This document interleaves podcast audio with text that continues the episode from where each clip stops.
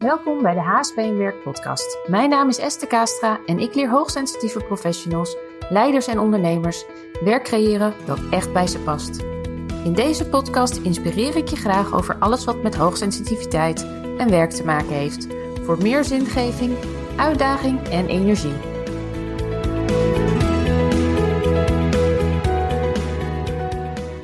Welkom bij de vierde podcast van HSP in Werk. En vandaag ga ik iemand interviewen en dat is Esther Bergsma. En Esther Bergsma is een HSP-professional van Nederland. Ik vind het de HSP-professional van Nederland. Uh, want wat zij doet, zij schrijft onder andere boeken over hoogsensitiviteit. Uh, het boek Hoogsensitieve Kinderen. Het boek Het Hoogsensitieve Brein heeft ze geschreven. Uh, daarnaast is zij, naast dat ze auteur is, spreker. En ja, doet ze heel veel op het gebied van hoogsensitiviteit. Voor mij is Esther een uh, bron aan inspiratie, omdat ze heel vaak moeilijke wetenschappelijke artikelen ombouwt naar begrijpelijk Nederlands, uh, Nederlandse taal, zeg maar. En vanuit daar uh, helpt het mij om het weer heel praktisch te maken naar de mensen toe. Dus ik gebruik heel graag de bronnen van Esther. En ik ben heel blij dat je vandaag hier in de podcast bent, Esther. En ik zou het leuk vinden als jij even wat over jezelf wil vertellen. Uh, ik heb mijn best gedaan, maar ik geloof dat jij er nog veel meer uh, over kan vertellen. En ik ga graag met jou uh, het gesprek aan om nog meer over jezelf en je werk te leren voor de, voor de mensen die luisteren. Ja, dankjewel voor de uitnodiging. Heel leuk en nou, mooi dat je me zo introduceert. Ik denk ook dat mijn belangrijkste missie is om die wetenschappelijke informatie helder en overzichtelijk aan te bieden Vooral omdat ik merk dat het echt nog lang niet uh, goed genoeg verbreid is. Als je kijkt naar de hulpverlening of naar onderwijs of naar bedrijven. Uh, er ontbreekt kennis over hoogsensitiviteit en dat heeft gewoon effect op het functioneren van hoogsensitieve kinderen en hoogsensitieve volwassenen. En dat zou denk ik niet moeten. Dus vandaar dat uh, ik het liefst op allerlei mogelijke manieren die kennis verspreid. Ja, Oké, en, en hoe verspreid je dan vooral die kennis op het moment? Um, bijvoorbeeld door spreker te zijn op studiedagen voor beroepsgroepen zoals jeugdartsen of psychologen of uh, eh, POH, GGZ. Uh, door trainingen te geven aan uh, coaches, HSP-coaches, maar soms ook algemene coaches of ook daar komen psychologen. Uh, ik begeleid ook uh, eh, HSP-coaches, zodat zij zelf ook weer verder uh, hun kennis kunnen verspreiden.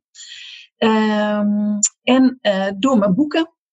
het hoogsensitieve brein is vorig jaar uitgekomen. En hoogsensitieve kinderen al een aantal jaar daarvoor. Maar die lopen allebei nog heel erg goed. Dus er zitten wel weer nieuwe boeken in de pijplijn. Ja, ja, ja, oké. Nou, in ieder geval uh, leuk werkje waar ik het onder andere met je over wil hebben is van, uh, nou, hoe ben jij nou tot uh, jouw ideale werk gekomen? Hè? En je hebt ook diverse onderzoeken gedaan over hoogsensitiviteit in werk. Daar komen we ook nog even op terug.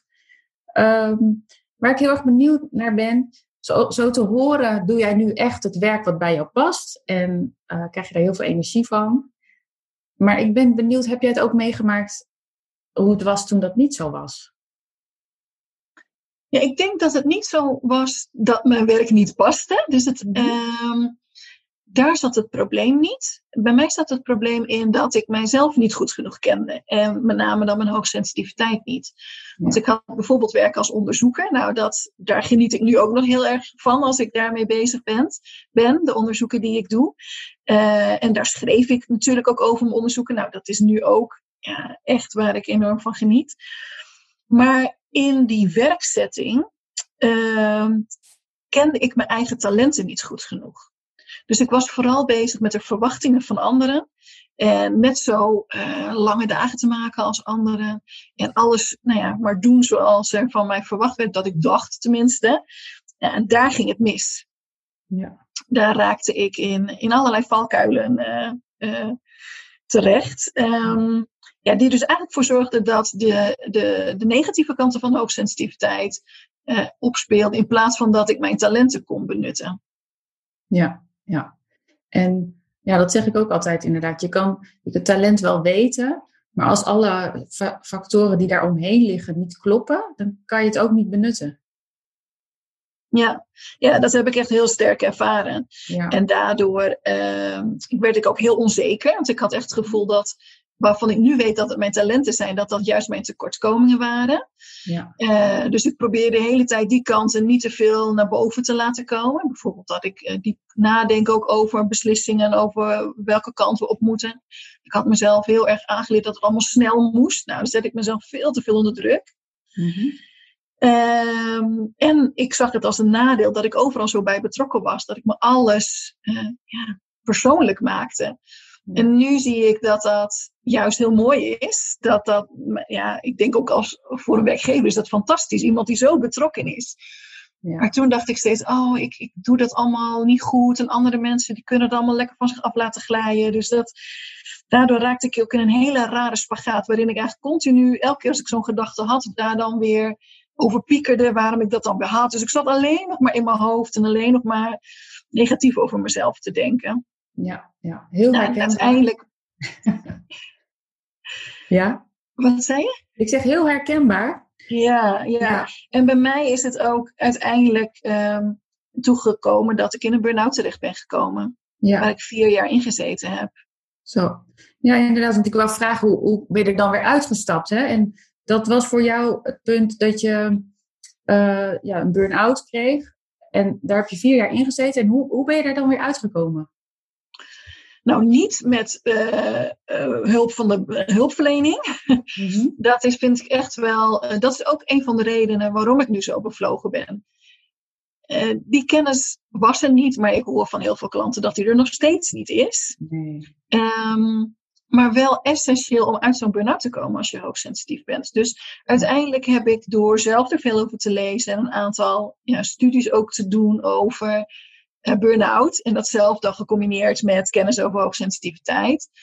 Uh, kon ik stapje bij stapje um, ja, mezelf omhoog trekken. Dat is wel, ik zeg altijd, eigenlijk lukt dat niet. Dus je hebt wel wat, wat, wat, hand, wat boeien, zeg maar, wat reddingsboeien nodig. Uh, om echt zo ver te komen.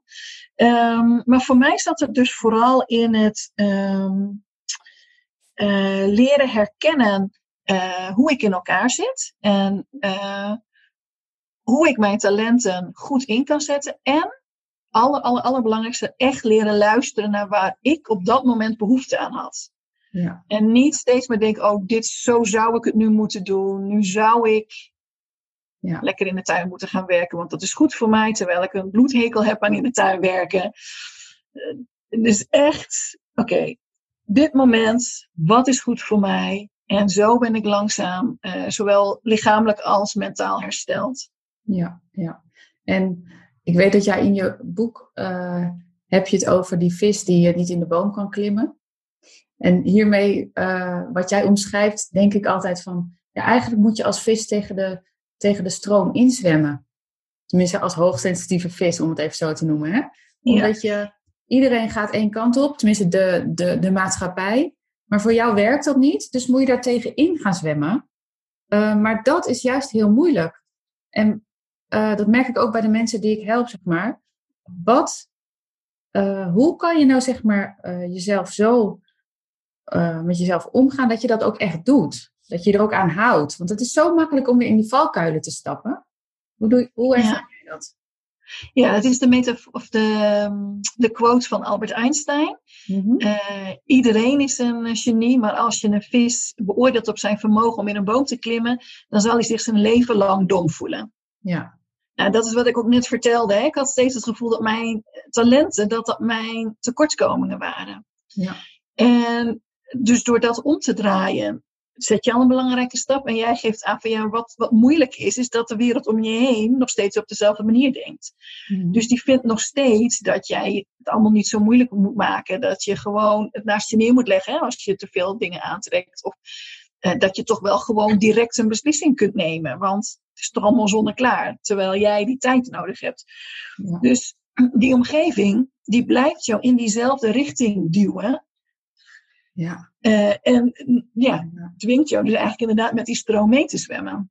Ja. Uh, maar als je als hoogsensitief persoon hebt ervaren hoe ongezond dat voor jou is, denk ik dat dat een hele krachtige, um, krachtige stimulans kan zijn om toch uit die stroom te stappen.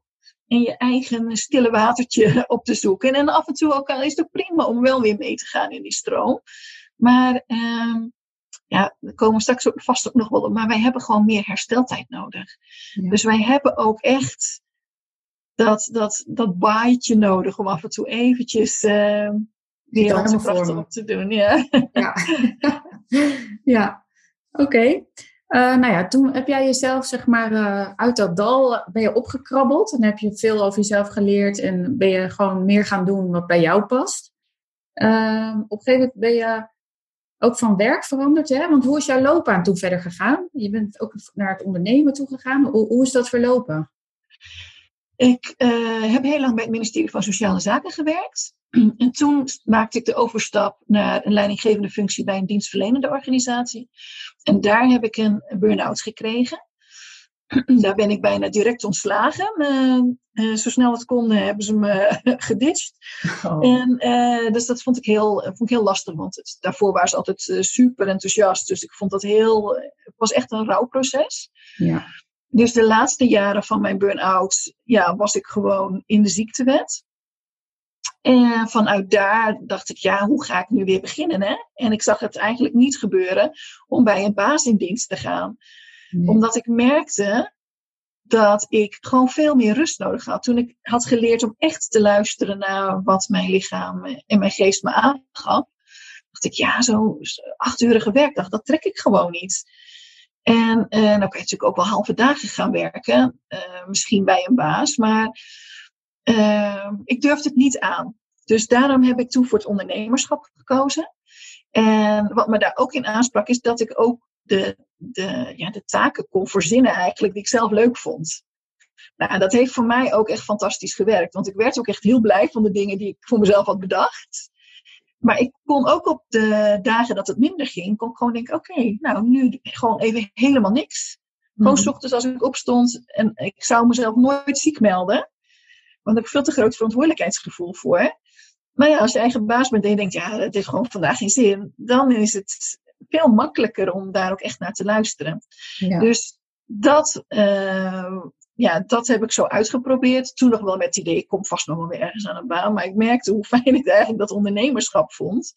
Uh, en ik merkte uh, hoe belangrijk ik het vond om echt die kennis te verspreiden. En ja, dat kan ook niet bij een baas. Dat kan, dat, dat kan je het beste gewoon doen als je uh, zelf daarvoor voor gaat. Dus uh, zo is het gekomen en zo uh, ben ik daar op dit moment enorm gelukkig mee, dat ondernemerschap.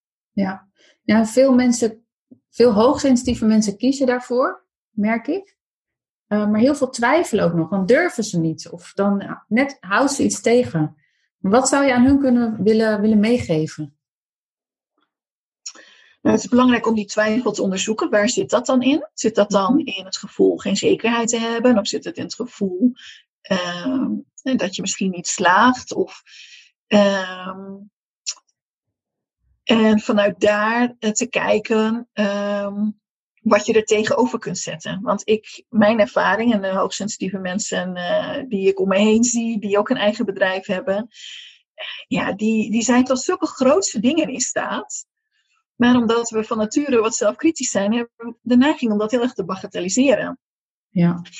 Uh, maar als je daar objectief naar kijkt, dan denk ik, ja, je hebt zo ontzettend veel in je mars. Als je dat echt toe zou laten, nou, dan zou je, zou je echt niet meer twijfelen. Want dan uh, zie je hoeveel je voor de wereld te bieden hebt, maar ook hoezeer je de, de potentie hebt om je eigen onderneming te laten slagen. Ja, ja. Ja, en op zelf heb ik ervaringen. Op een gegeven moment is die drive die zo groot, er is gewoon geen keus meer. Nee. Nee. zo was dat voor mij. Het is voor iedereen anders natuurlijk. Maar ja, ik herken ook wel de twijfel. Want voordat ik het echt ging doen, heb ik zelf twee jaar het erover gehad. Zeg maar. maar toen deed ik het was.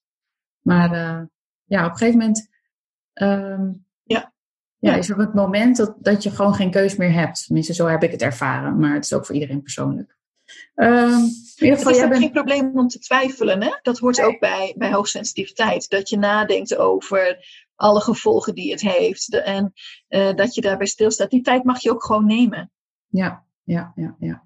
Ja, ja dat... Uh, dat staat, dat de, dan kom, moet ik gelijk denken aan jouw boek. Dat je, uh, je, er komt informatie binnen, je moet het verwerken, je gaat reageren, je gaat ook reflecteren. Maar hierop ga je dus ook gigantisch reflecteren als je de tijd ervoor hebt. Ja, ja. ja. Oké. Ehm, nou ja, wil je daar alles over weten, dan moet je, dat boek, moet je het boek van Esther Bergsma lezen, Het Hoogsensitieve Brein. Er staat helemaal in uh, hoe dat uh, stap voor stap gaat uh, vanuit breinonderzoek. Um, even kijken. Um, ik heb natuurlijk een aantal vragen voorbereid, dus ik ben even op mijn rijtje aan het kijken waar ik ben. even kijken. Nou, je hebt onderzoek gedaan naar hoogsensitiviteit in werk. En wat zijn voor jou daar de opvallendste resultaten uit? Wat belangrijk is voor de, de mensen die luisteren. luisteren? Ja, het onderzoek eh, was zowel in Nederland. Ze hebben 1500 HSP eh, aan meegedaan.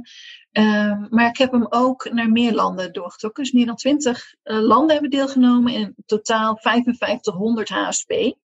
Mm-hmm. En een van de dingen die opvalt is dat uh, veel van de struggelingen, de struggles, de worstelingen, uh, dus ook gewoon wereldwijd voorkomen. Dat vond ik belangrijk om, uh, ja. om te ontdekken. Dat het dus niet iets ja, toevalligs of zo is, maar echt iets wat hoort bij hoogsensitiviteit. Ja. Nou, het is een onderzoek wat heel veel vragen in zich heeft, dus er zitten enorm veel resultaten uh, uh, die naar boven komen. Maar ik heb er drie geselecteerd mm-hmm. om met jullie te delen. Ehm, het, het, eigenlijk het allerbelangrijkste ehm, wat me opviel is hoe groot de invloed van sfeer op het werk is. Gewoon hoe mensen met elkaar omgaan, hoe er op je gereageerd wordt, um, hoe collega's onderling met elkaar omgaan.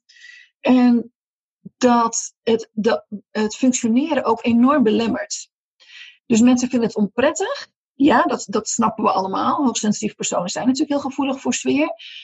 Maar het lukt je ook echt bijna niet meer om dan nog te functioneren. Het heeft ook meteen een effect op je, op je gevoel overprikkeld te raken. En dat leidt weer tot allerlei uh, lichamelijke en mentale klachten. Dus die impact is vele malen groter dan we misschien hadden uh, kunnen vermoeden. Ja. Uh, en dat gegeven is zo belangrijk omdat je daar heel erg je voordeel mee kan doen als hoogsensitief persoon. Ja, ja, omdat je dan echt goed kan kijken met welke mensen wil ik werken, in welke omgeving, hoe is de sfeer, hoe is de cultuur van het bedrijf. Ja. Ja. ja.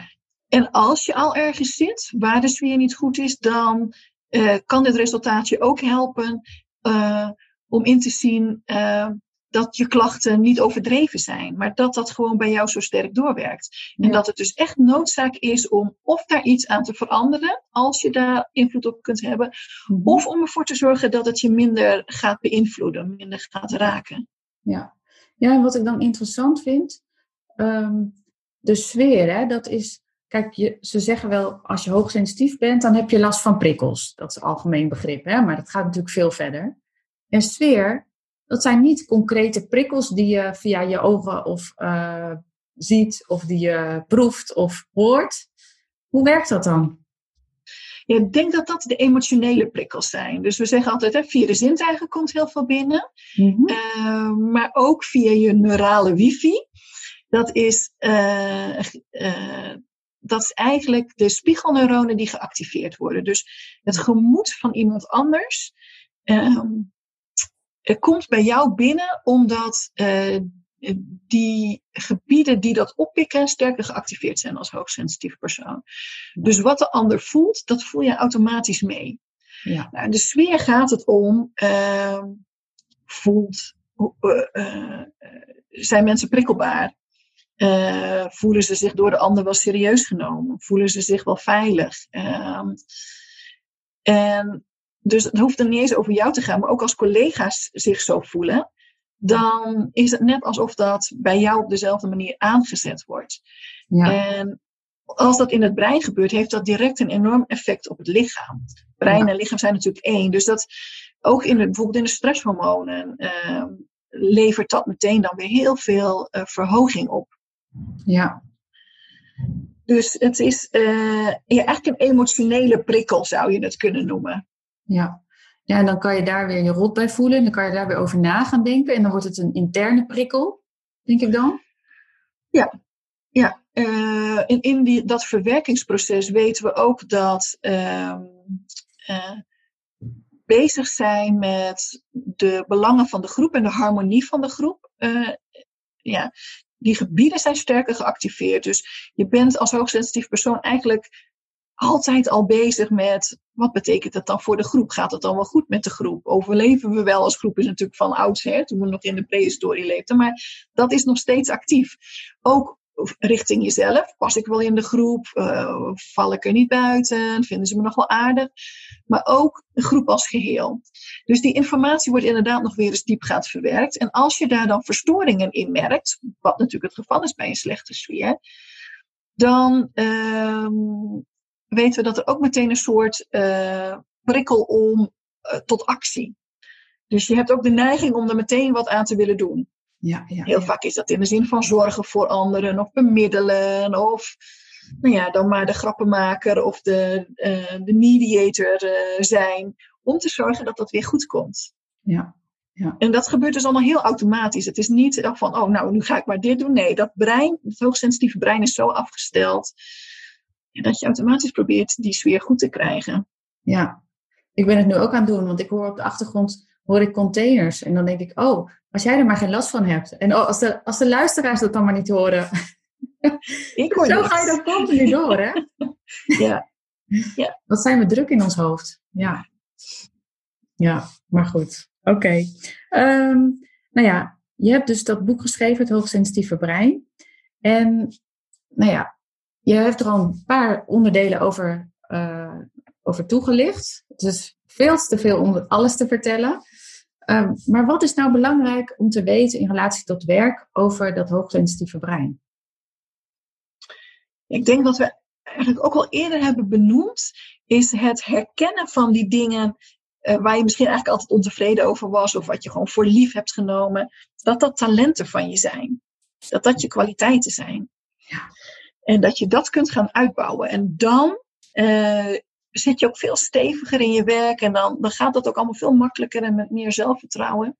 Mm uh, dus die, eh, de echte zelfkennis, op basis van de kennis van hoe je brein werkt, ja, dat, dat zal uh, hoogsensitieve mensen enorm helpen, ook in hun carrière. Ja, ja, ja, zo zie ik het ook. altijd, um, als je dat snapt, zeg maar, met je hoofd, dan kan je jezelf veel beter begrijpen. Als je zelf snapt met je hoofd wat er in je hoofd gebeurt, in je hele lijf, ja, dan heb je meer zelfkennis. En dat gecombineerd met, ja, je bent niet alleen maar hoogsensitief, je bent natuurlijk nog veel meer. Ja. Maar hoe meer zelfkennis, hoe beter je ook stappen kan zetten naar datgene uh, wat bij je past. Um, ja, dat is nog veel meer onderzoek natuurlijk, maar daar begint het mee.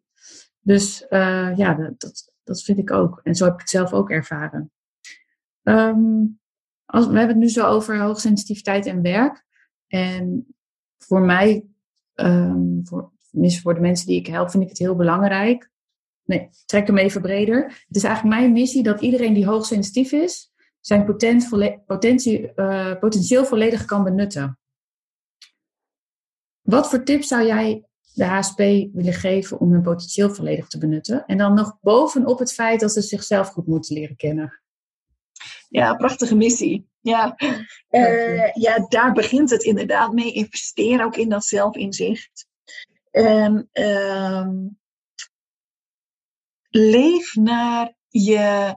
Uh, ja, hoe, hoe omschrijf ik dat goed? Leef naar je ideaalbeeld, zou ik willen zeggen. En dat betekent dat je uh, wat minder probeert af te stemmen op de ander, maar meer echt uitdraagt wat jouw potentie en wat jouw missie, wat jouw bijdrage is. Ja, ja. Bijna een stap, een, eigenlijk jezelf uh, een stap opzij zetten en jezelf buiten dat alles neerzetten wat er al is. En dan vanuit daar, vanuit daar gaan kijken van hoe ga ik nu de toekomst verder vormgeven vanuit wie ik ben.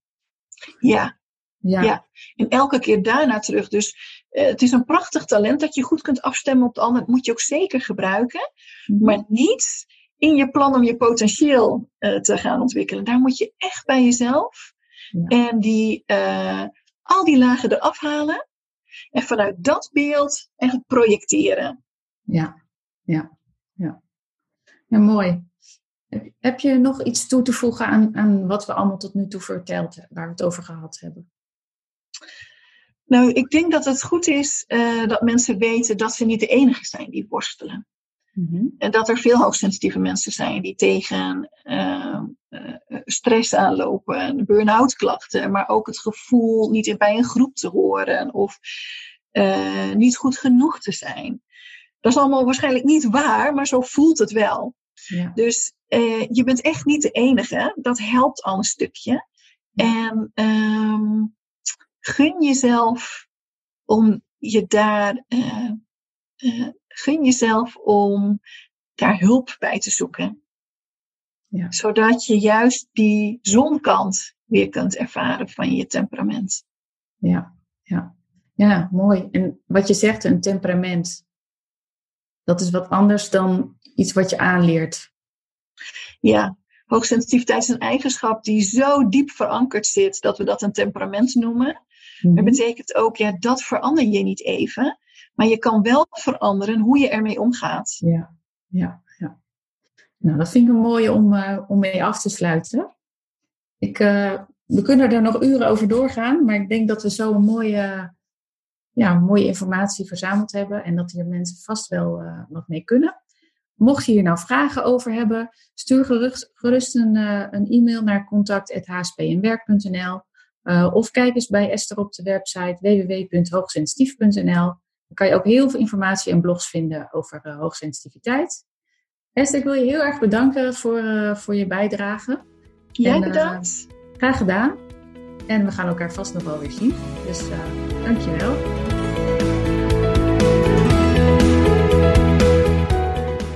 Dankjewel voor het luisteren naar de HSP en Werk podcast. Wil je direct praktisch aan de slag met jouw HSP en Werk? Download dan een van de werkboeken op www.hspnwerk.nl/werkboek.